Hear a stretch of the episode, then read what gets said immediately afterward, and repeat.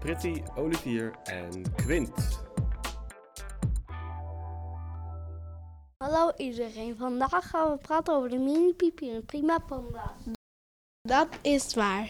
De biep is gemaakt door al de hulp van de kinderen in de Prima Panda's. Ja, ik heb met iemand de niveaus geregeld. Dat heeft zeker veel werk gekost.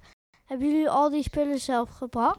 Niet veel kinderen, niet veel kinderen hebben iets meegenomen, maar wel veel boeken. Ook werden geholpen door andere klassen. Hm, oké. Maar waarom hebben jullie de mini piep gemaakt? Dat is het thema, het wereld van het boek. Ja, leuk hè? Want het is toch leuk als we een biep hebben? Ja, Wanneer is de biep klaar? Bijna. misschien over een paar dagen. Wat vinden jullie van de decoratie?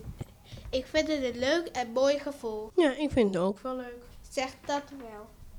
Echt? Nou, dat wil ik al een keertje zien.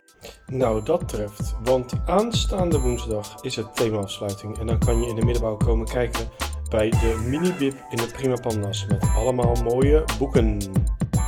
Over boeken gesproken, wat is jullie lievelingsboek? Die van mij is Harry Potter. Cool, die van mij is Dagboek van de Muts. Gaaf. Welk deel? Party stress. De relieken van de dood. Cool. Wat is jouw favoriet boek eigenlijk? Ja, wat is jouw favoriete boek?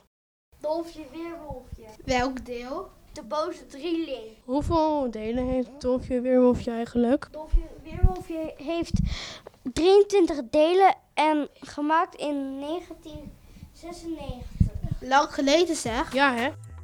Maar We moeten afsluiten. Luister ook naar de andere nummers. Doei!